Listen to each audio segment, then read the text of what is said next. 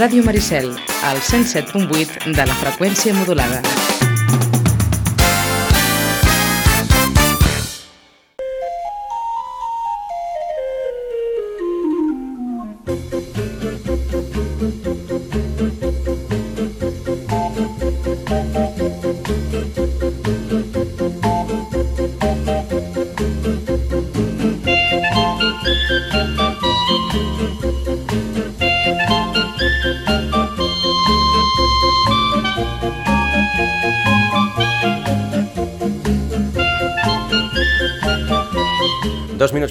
A dos quarts d'onze del matí, hora dels nostres seriòfils. Avui, diguem, edició ràpida, comprimida, eh, però presencial, amb tots dos, com sempre, amb Nacho Zubizarreta. Nacho, bon dia. Hola, molt bon I dia. amb Camil Villaverde. Camil, bon dia. Bon dia, parlarem molt ràpid avui. Parlarem molt ràpid, així, eh, sí, sí, farem com gri, gri, posem el pitch, clic, clic, clic. Sí, perquè avui a més ve farcida. La... A, a, sí, aquí, és que avui, avui que porteu moltes coses anem, anem, més, eh, anem més enganxats. Escolta, va, doncs mm, ja comencem per la primera perquè hi ha moltíssima cosa, com dèiem, a sobre de la taula. La primera que se'ns porta a Netflix. That's right, Ames. Thanks. Who's this? Hey, that's Steve. No, Amy the goat.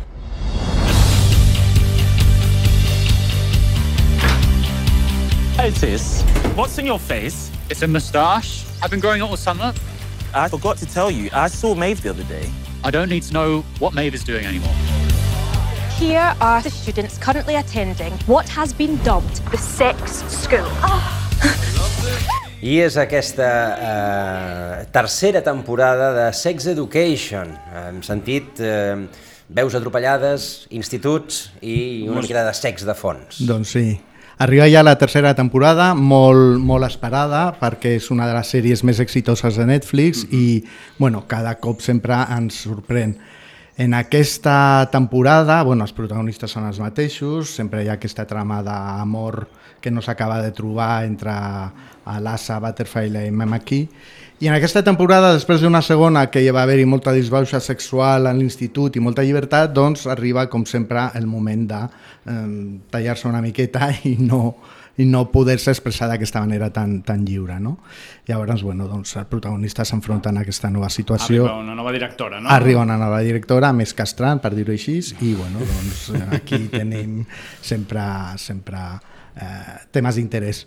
Eh, ja han signat per una quarta temporada, o sigui que És que és una tindrem- sèrie que els hi funciona molt. Eh, sí, funciona molt. El que passa que amb aquestes sèries d'instituts, doncs clar, tenint en compte que ells ja tenen una edat de 24-25 de promig i que hi ha algun que ja arriba als 30, Bueno, però fins que arribin al tema de Gris, que Eh, l'altre sí. dia vaig veure Gris i eren tots adolescents i eren més grans que jo, crec, els actors, o sigui, encara els hi queda una mica de corda. No, la veritat és que és una sèrie...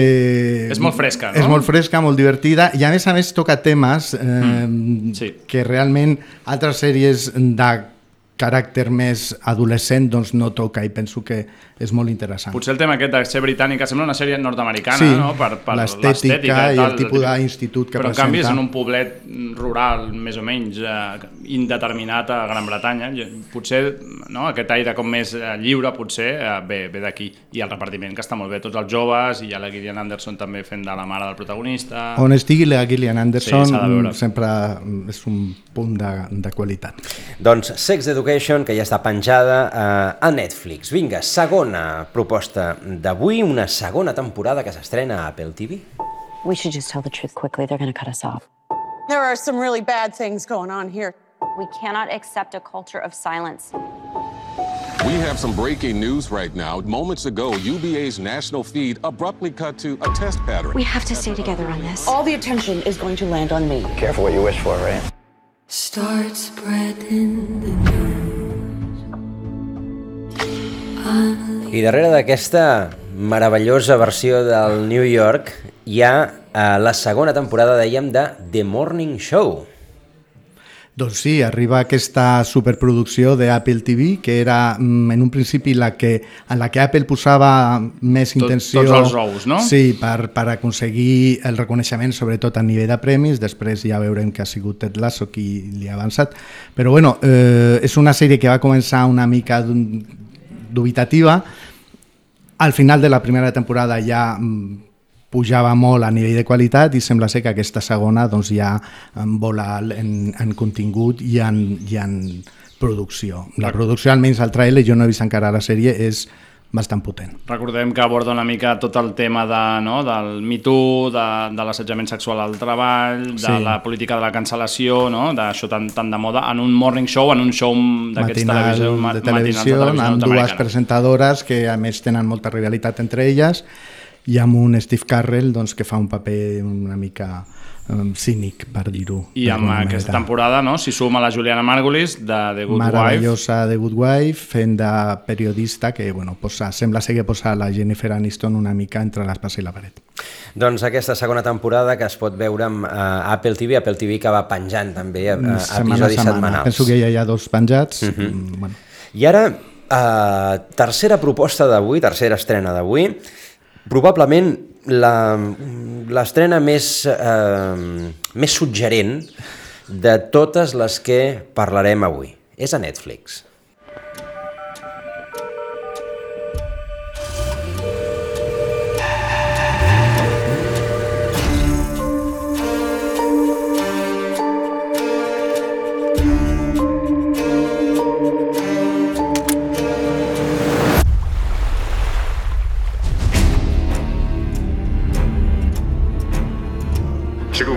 자리에 계신 여러분들은 모두 감당할 수 없는 빚을 지고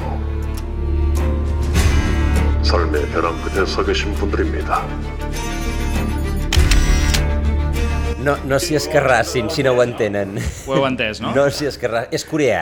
això és coreà, això que Sí, el sentíem. coreà encara no... No, no, arriba al no nostre... arribem, no arribem aquí, no, és, eh? no, és, no sé si hi ha escoles de Coreà. que És fitxes. coreà perquè la sèrie és coreana i es diu El juego del calamar. La, la bomba, no?, de la tem- d'aquesta, com a mínim, Sí, d'aquesta- a- d'aquest mes. D'aquest primera mm. setmana o primer mes de, de la tardor. El juego del calamar és una sèrie que penso que ni tan sols Netflix esperava tenir aquest èxit. De fet, eh, aquí a, a Espanya està subtitulada en, la, en latino, Mm. lo qual vol dir que realment no havien fet ni inversió de, de, de doblar-la perdó, a, amb veus eh, en castellà. O sigui que amb ells també els hi ha suposat una sorpresa. És una sèrie una mica apocalíptica, com aquestes que arriben d'Àsia, on a una gent molt necessitada de diners perquè bueno, han tingut problemes a la seva vida, els hi proposen participar en un seguit de jocs infantils de manera que si arriben al final poden guanyar una pasta molt important que serien uns 33 milions d'euros, que no està malament.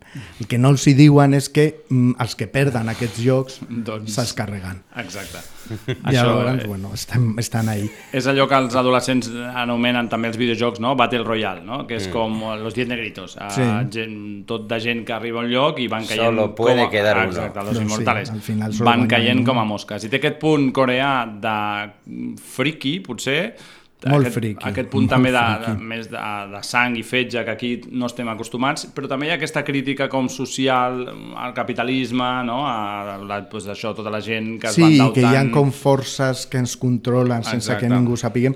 En aquest sentit, té punts en comú en aquella sèrie que també va, tingut, eh, va tenir bastant èxit eh, al desembre, que es deia Alice in Borderland, Borderland. Que, que jugava una mica el mateix, el que passa que en aquella era més eh, com d'acció i més rotllo anime, tot i que era amb, amb personatges reals, Am- i era una mica Mm. el mateix, la mateixa proposta. A més, estèticament, com crida molt l'atenció, no? Els trajes aquests que porten, que poden recordar una Sí. mica la Casa de Paper, A la però Casa de després Paper, la- perquè les màscares aquestes que màscares i porten... tot això. Té tota una estètica que la veritat és que crida molt l'atenció. Sí, és una bona disfressa per la, per Sí. la rua de Carnaval. Exacte, sí, jo crec que l'any que ve... Sí, a més, tampoc et, que et fiques molt, et tapes la cara ja i ja està. està. O sigui, doncs aquesta, aquesta proposta, com dèiem, eh, angoixant de eh, El juego del calamar, a partir d'aquesta premissa, gent endeutada, necessitada, que els fiquen tots en una illa, a més amb una, amb una estètica molt, molt, molt potent. Sí, visualment és molt potent. És molt potent i, i aleshores, doncs clar, de cop i volta se n'adonen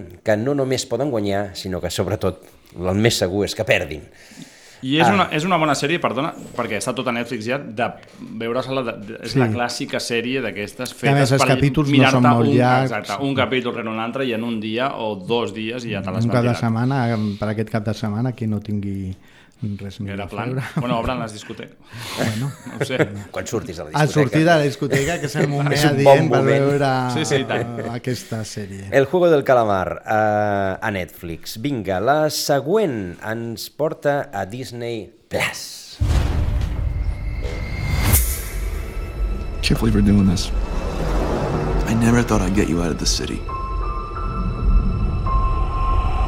I think this is going to be the perfect place to work without distraction. I've been coming out here to write for a few years now. This place inspires us.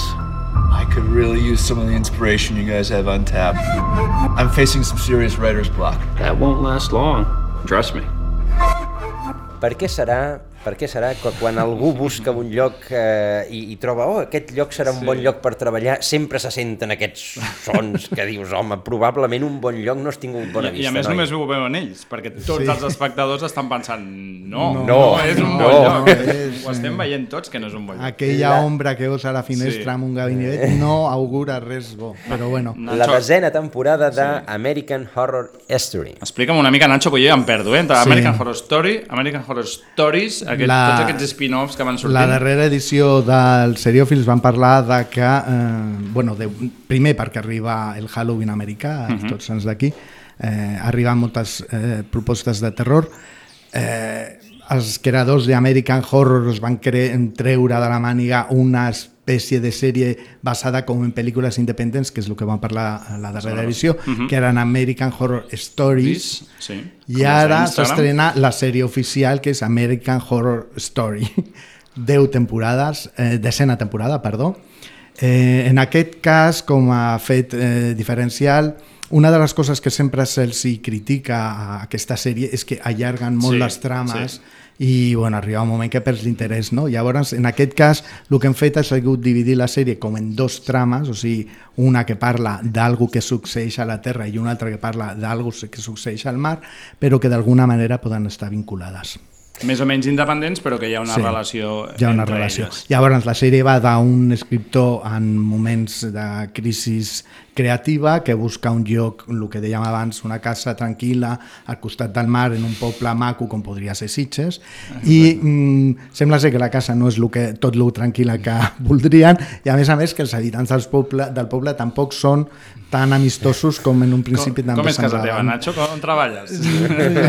bueno, jo, jo això? treballo amb ma mare, que ja és una bona... És un altre tipus de, de Sí, per story. això m'agrada molt el terror i els crims i tot això. bueno, com a curiositat, en aquesta sèrie el Ryan Murphy sempre porta eh, actors eh, que puguin eh, cridar l'atenció. En aquest cas continua La Sarah Paulson sempre, no? A totes les temporades. Els seus, la Sarah Paulson, el Evan Peters, Kathy Bates, Frances, Frances Connery, i a més a més s'incorpora Macaulay Culkin, que és aquest noi de Solo en Casa, mm, que, Que fa la mateixa cara. L'he vist al tràiler. sí, sí, sí. Fa la mateixa cara que solo en casa. L'únic que gran... A veure, jo penso que té cara d'haver tingut una adolescència i una... Difícil. Sí, Bueno, bueno, amb sí. moltes, amb moltes eh, coses mm. per explicar. D'acord. Uh, ben vist. El... Vinga, està va. a casual, bueno, està a Disney Plus eh, a partir del dia 22, 22. o sigui ja també Sí, sí, ja està, ja està. Tam, també les van penjant setmana a setmana i és curiós que aquí es veia Disney Plus perquè no és una plataforma que tingui aquest tipus de contingut, o sigui que els que teniu Disney Plus i els vostres fills vagin buscant sèries, aneu en compte. Vigileu, vigileu. Vinga, uh, segona, segona referència d'avui d'Apple TV. Poca broma. Uh, estrena, probablement, l'estrena més esperada de la temporada d'aquesta plataforma.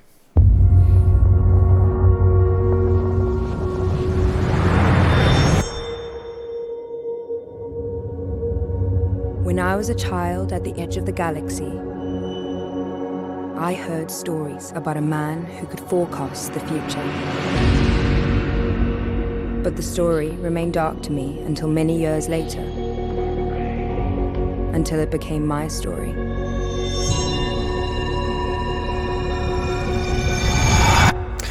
Fundación, la, la nissaga d'obres d'Isaac Asimov portada per a sèrie. a la pantalla. És la gran aposta, no? De, de una... Jo penso que és de la, ja no solament d'Apple, sinó No. que és una de les esperadíssimes estrenes de- d'aquest any eh, 2021. Feia molt de temps que se sentia parlar i per fi la, la van estrenar el dia 24 i bueno, doncs, eh, per fi aquesta obra d'As- d'Asimov que va començar a escriure als anys 50 del segle passat es porta a, a la pantalla, havia, hi havia hagut moltes tentatives de portar-la, però ser una ciència-ficció molt filosòfica i molt poc de batalles i de coses molt espectaculars, doncs no s'havia trobat la manera. I ara Apple, em penso que amb bon criteri, sent una Empresa empresa de no? tecnologia, doncs Sí.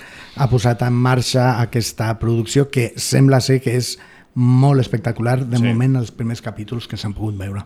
És super ambiciosa, és, jo crec que vol ser com la gran sèrie de- d'aquest any, eh, com ha estat un Juego de Tronos sense anar més lluny, no? d'aquesta sèrie que es vagi estrenant cada setmana de la qual tothom en parli, i crec que és la mostra de que Apple ha vingut, mm, va entrar una mica així amb, amb sèries com Sí, aquestes que tot, ens reiem una mica, però que darrerament està traient sèries, no massa sèries, l'aposta no és Netflix eh, de sèrie, sèrie, sèrie, sèrie i alguna ja la patarà, sinó que va molt, eh, molt controlada sí. i realment estan donant bastant en el clau a nivell de crítica i a nivell també de... Ja ho parlem des de fa temps, és veritat que ells no, no estrenen gaire sovint, però el que estrenen normalment té una qualitat molt acceptable i sembla ser que en Fundació mm, han acertat de ple.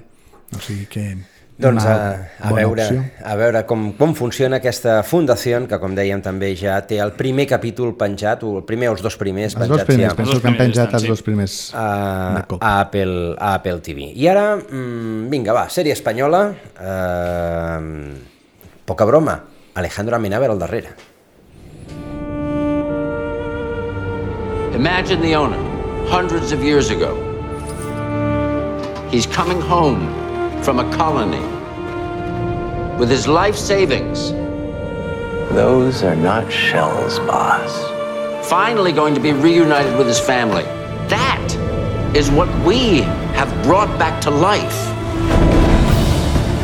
Tengo que ver al ministro. Soy Alejandro Ventura. Tengo cita con el jefe. Cuéntale lo del barco misterioso, lo del tesoro. Yo creo que a ti, precisamente a ti, no te va a mandar a la mierda. Pues se van a joder. I a partir d'aquí, doncs això, una, una història que hem sentit al, al principi, mm, ens ho podem imaginar, un vaixell que es va enfonsar, un tresor, un pecio ocult i, i la fortuna. La sèrie d'Alejandro Amenábar, també molt esperada, potser la sèrie més ambiciosa de Movistar fins al moment, el gran, la gran estrena d'aquest 2021 també, eh, i bueno, doncs almenys l'aspecte visual de la sèrie és bastant, bastant potent, haurem d'esperar el dia 30 per veure el primer capítol. Jo crec que és una, primer una mostra de que les sèries espanyoles ja s'han tret el, qualsevol tipus de complexa, eh, Mhm. vull dir, es fan sèries des de la Casa de Papel fins a 30 monedes, que era una barreja també de terror, eh, vull dir, ara fan el que volen i aquesta és com una, no? un altre format, una sèrie com d'aventures, no? Potser. Sí, és una sèrie d'aventures, està eh, al rerefons hi ha un vaixell enfonsat del segle XVII que bueno, hi ha un pirata o un buscador de tresors que l'ha trobat i l'està espoliant i llavors doncs, hi ha un funcionari espanyol que es capfica per bueno, que això, això no succeeix llavors doncs, comença una trama que barreja aventures, amor eh, conspiracions polítiques internacionals Sabeu a què m'ha fet pensar veure el tràiler? Amb Tadeo Jones. Bueno, Pues sí, pues una en, mica, versió, sí. en versió humana doncs una mica, sí, aquest, real. aquesta aventura una mica sense complexes, una mica pulp d'aquests Sí. còmics així, de fet es basa en un còmic. Es basa en el còmic El tesoro del cisne negro de Paco Roca i Guillermo Corral. Exacte, i aquest humor una mica de posar un espanyolito amb una aventura com molt gran, no? que sembla que tot molt gran i poses algú molt anodí, un funcionari en aquest cas al, Sí, de al fet, de la protagonitza un actor que es diu Álvaro Mel, jo no el tinc Sí. controlat, amb l'Anna Polvorosa i aquest actor anglès veus que sentíem al principi és l'Stanley Tucci, que aquest sí que és Un clàssic. un clàssic, un dels actors de caràcter més, eh, en aquest moment més interessants dels Estats Units. A mi, m'ha fet gràcia perquè Amenábar fins a fa poc sempre havia tingut aquest to respecte a les sèries una mica de, De que no, de que no. mirar-ho, eh, saps, amb el nas una mica aixecat, Sí. de que no, jo faig cine, jo faig pel·lícules, jo faig no sé què, les sèries sí estan bé, però... I que parlava sí. sempre de si m'agrada una sèrie quan són pel·lícules llargues, no? Aquest, aquest discurs una mica anti, antisèrie i mira, ara... Bueno, hi ha més d'un que s'ha tingut que menjar les seves paraules. Eh?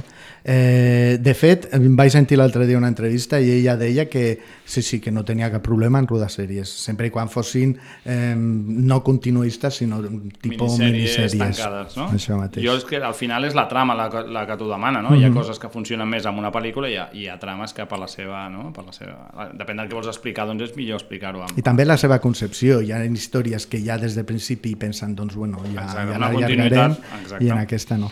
I, bueno, solament dir que eh, ha rodat ell tots els capítols, que a vegades aquests directors roden Sí, dos o primer, tres i segon, després supervisen i estan a casa I seva fent altres coses. allà, sí, sí. I, I ell no, s'ha implicat amb tots els capítols. Doncs que tampoc són tants, penso que són sis o set.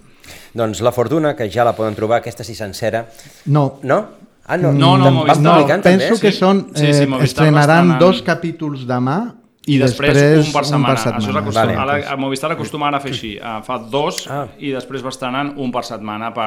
Jo crec que al final tothom ho acabarà fent Sí, així. perquè que és el que és- mantens una mica, clar, tanta inversió... L'atenció Exacte, de ja que se'n parli, no? No ho cremes tant. Molt bé, doncs com dèiem, La Fortuna a partir de demà eh, també la podran trobar a Movistar Plus. I ara, notícies sense sorpreses, o gairebé sense sorpreses, als, eh, als Emmy, tres noms propis, o tres sèries, Ted Lasso, The Crown i Gambito de Dama.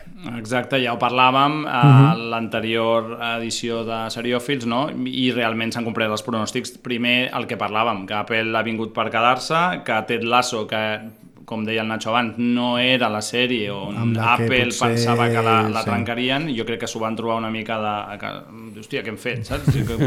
I han fet la segona temporada i aquesta és la de la confirmació de que la comèdia del Jason Sudeikis és la, la, la Potser, comèdia de l'any. mm, tot i que no és una sorpresa, sí que és veritat que una productora, en aquest cas Apple, en el segon o tercer any que està produint sèries, arriba a assolir un de les fites més importants de la televisió, com és la millor sèrie, en aquest cas de comèdia, a, a, en el semi. Sí, sí, no? algo que a Netflix li ha costat molt li ha més. costat molt més, per fi ho ha aconseguit tant The Crown, jo penso que merescudament, Sí, jo soc sí. molt fan de la sèrie, i aquesta darrera temporada amb la, amb la Margaret Thatcher i, i la Lady Di, Sí, sí, ja ho tenien trama, molt malament, sí. ho havien de fer per, Per no, no- per no per no lluir-se I a part, amb, el, amb el que els agrada l'accent british i les històries british allà a Nord-Amèrica, doncs eh, ja venien... Estem esperant en candeletes aquesta sèrie Sí. sobre el, el... La corona de... Exacto. Sí. El, Ah, Em va fer gràcia una pregunta que li van fer a la roda de premsa, crec que era algú americà, nord-americà, li preguntava a la Gillian Anderson si havia trucat a Margaret Thatcher per preparar-se Sí. al paper. Sí, sí, I clar, sí. la cara de Gillian Anderson... Bueno, aquesta senyora està morta fa molt, Fa eh? molt de temps, I, com, i anava com bueno, amb, dissimulant. la, amb la Ouija podria Exacte. preguntar-li coses. I, I The Crown ha estat una de les grans eh, culpables de que Netflix eh, s'endués 44 premis, que és el rècord, igual Sí. al rècord absolut que tenia Mira, des de NBC 74, o la així, CBS, la que això ja ens sona com a, a, a, al Juràssic, doncs la CBS al 74 doncs, ha igualat Netflix, sobretot arran de, de, de l'èxit de The Crown. Algunes de les crítiques que ha rebut Netflix és que mm, Netflix produeix tant i fa tanta cosa i és veritat que a vegades potser veiem que no totes les seves produccions tenen una qualitat interessant doncs que arribi a arrasar d'aquesta manera Eh, però bueno, com diuen, tenen dos o tres sèries que a la crítica els agrada molt i funcionen molt bé i això és com el buc insígnia i bueno, el que ve darrere doncs... I Gambito de Dama també hi ha ajudat. De fet, Sí. sí. Gambito de Dama era potser la gran, la gran competició en aquesta edició era saber qui s'enduia el tema minissèrie Gambito de Dama, que es va estrenar a principis d'any, i Made of Easttown, que era, diguéssim, la que estava en boca de tothom, i curiosament, doncs, la, la sèrie de... Sí, s'han repartit una mica els Sí. premis. El de millor sèrie Sí. s'ho ha portat Gambito de Dama Ah, exacte. i després el de millor actriu que estaven ahí la Kate Winslet i la I l'Anna Taylor, Ah, Taylor, Taylor Joy. Joy eh, lluitant eh, Gambito de Dama s'ha portat la millor sèrie, minissèrie i eh, Kate Winslet la millor actriu. I s'han dut una, també una demanda, que pas, ara la gran notícia d'aquesta setmana era la demanda que li han posat a Gambito Dama una, de, una gran mestra eh, georgiana que es diu, no diré el nom bé, Nona Gaprindashvili. Hombre, que es ho has dit bé. Nona Gaprindashvili, La primera qui no dona que va ser gran mestra d'escacs eh, i se l'esmenta a la sèrie com dient com traient-li una mica de mèrits i, i dient que no havia guanyat mai a cap home quan havia guanyat com a 60 homes. Eh, 59. 59, exacte. I llavors com que, bueno, no sé si s'aguanta massa aquesta demanda de dir com que han afectat el seu honor i que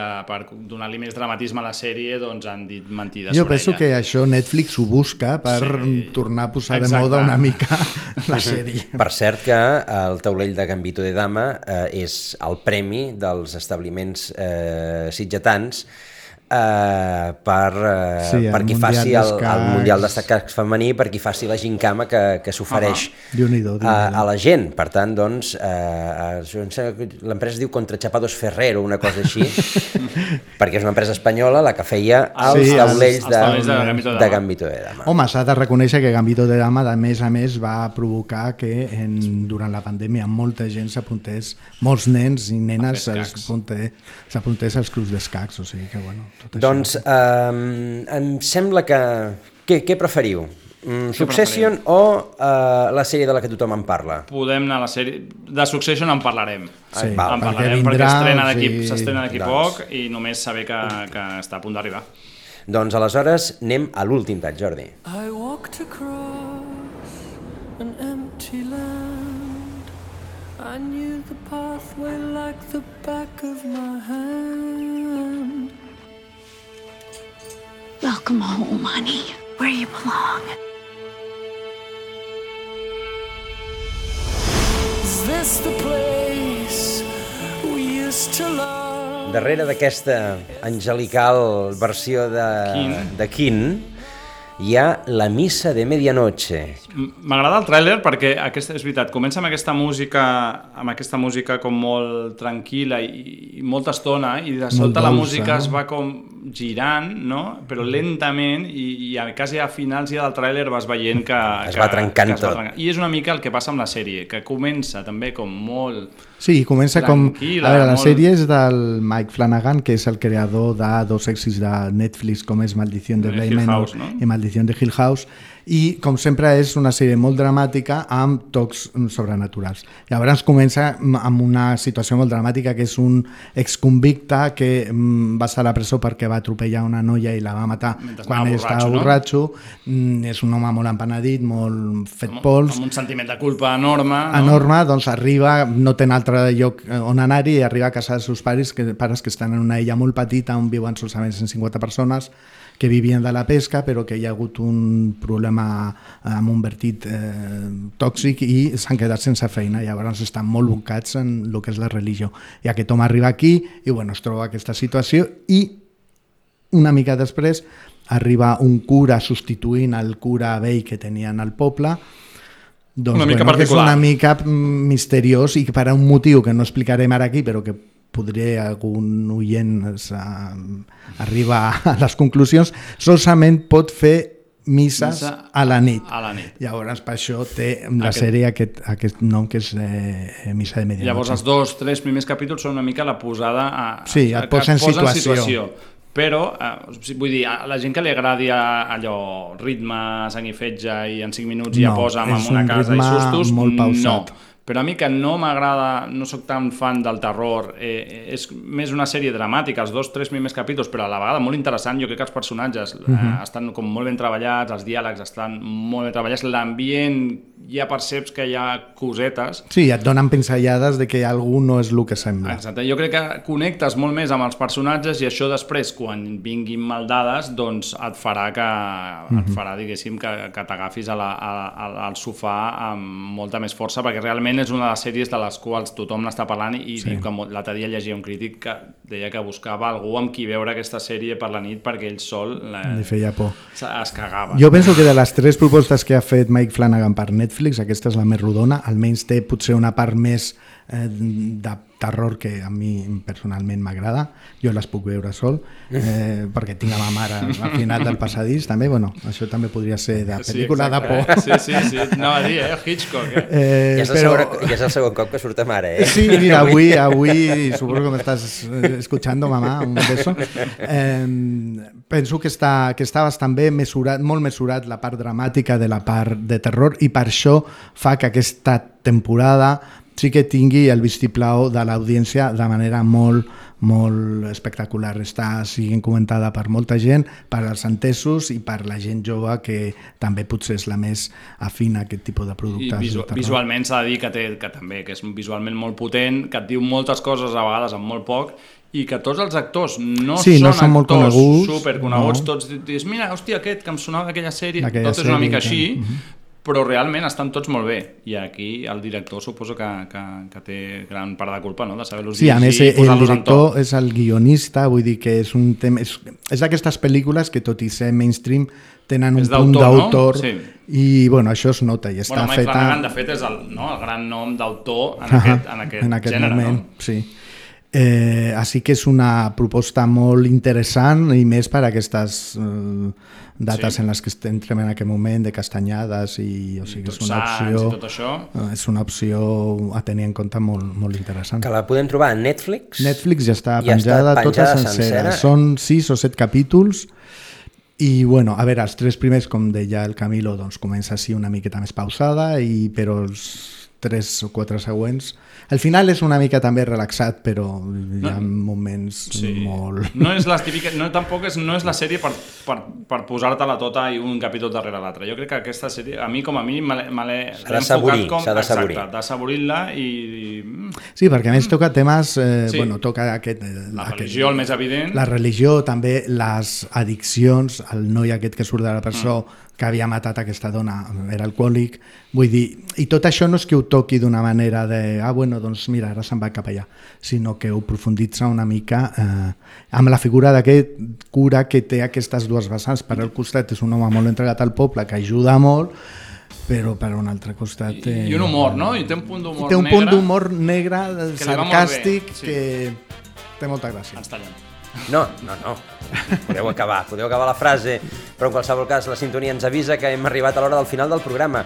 La missa de medianoche, com han sentit, la recomanació d'avui, la sèrie de la que tothom en parla, en els nostres seriòfils, en Camil i el Nacho. Moltíssimes gràcies a tots dos. Moltes gràcies. Ens retrobem, ens Fins la retrobem, propera. Exacte, d'aquí unes 3 setmanes aproximadament, i a tots vostès que passin un molt bon dia, un bon ple de la tarda i fins demà.